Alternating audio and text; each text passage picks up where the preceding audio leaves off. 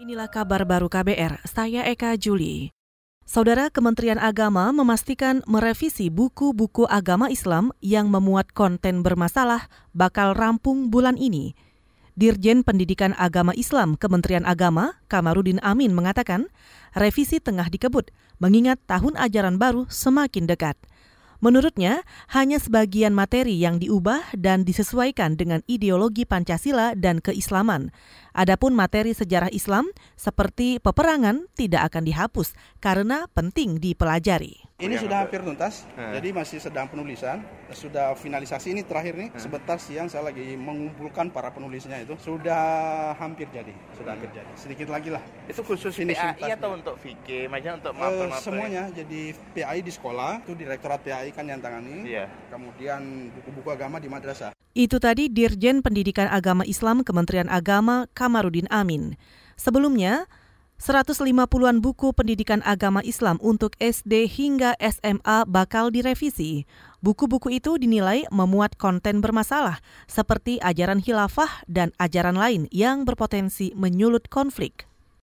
Kita ke soal terorisme. Penerbitan peraturan pemerintah atau PP tentang pencegahan terorisme dikritik sebagai bentuk kenaifan pemerintah. Presiden Partai Keadilan Sejahtera PKS Sohibul Iman berpandangan Terbitnya peraturan tersebut akan membawa kemunduran demokrasi Indonesia. Karena aturan itu dinilainya berpotensi mengkriminalisasi warga yang rentan dituding terpapar radikalisme. Apalagi dengan adanya pusat pengaduan gitu. Itu kan kemudian orang yang berselisih sangat pribadi bisa saja kemudian mengkriminalisasi, melaporkan hal-hal seperti itu. Saya kira ini kita sudah sangat ma udah bergerak maju ya kita sejak reformasi ini. Tolong jangan setback ke belakang. Itu kan cara-cara yang seperti dulu gitu.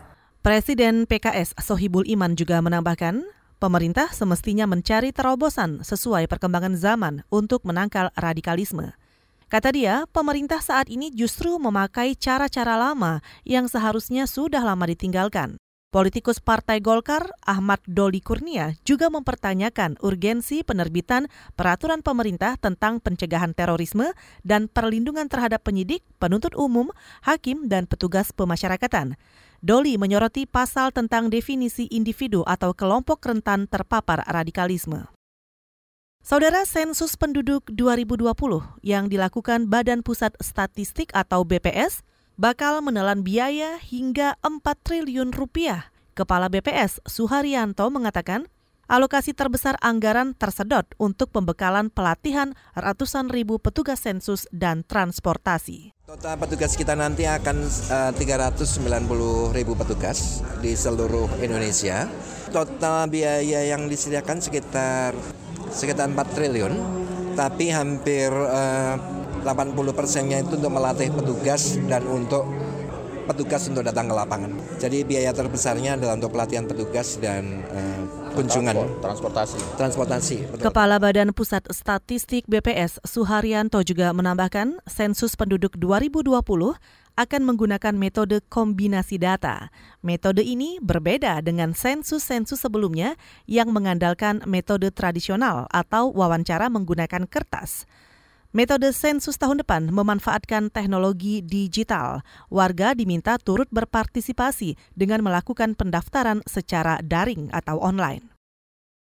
Saudara pemerintah berencana mengirim ratusan periset untuk melanjutkan pendidikan doktoral di Amerika Serikat mulai tahun depan. Kepala Kantor Staf Presiden Muldoko mengatakan, tahap pertama akan dikirim 100 orang lulusan pasca sarjana dan empat program, salah satunya ilmu komputer.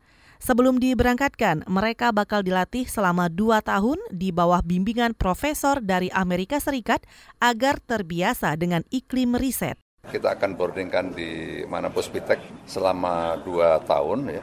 Itu nanti eh, mereka akan dibiayai ya. Tugas sehari-hari dia akan melakukan riset. Nanti dipandu oleh profesor dari Amerika ya eh, selama dua tahun itu. Eh, setelah itu dia akan kita kirim ke University of Chicago dan beberapa universitas top di Amerika. Ya. Kepala Kantor Staf Presiden Muldoko menambahkan, gagasan mengirim periset ke Amerika telah dikaji sejak era Menristek Muhammad Nasir. Kata dia, Presiden Jokowi juga memerintahkan Menteri Keuangan Sri Mulyani mengucurkan uang dari Lembaga Pengelola Dana Pendidikan atau LPDP untuk membiayai program tersebut. Saudara demikian kabar baru, saya Eka Juli.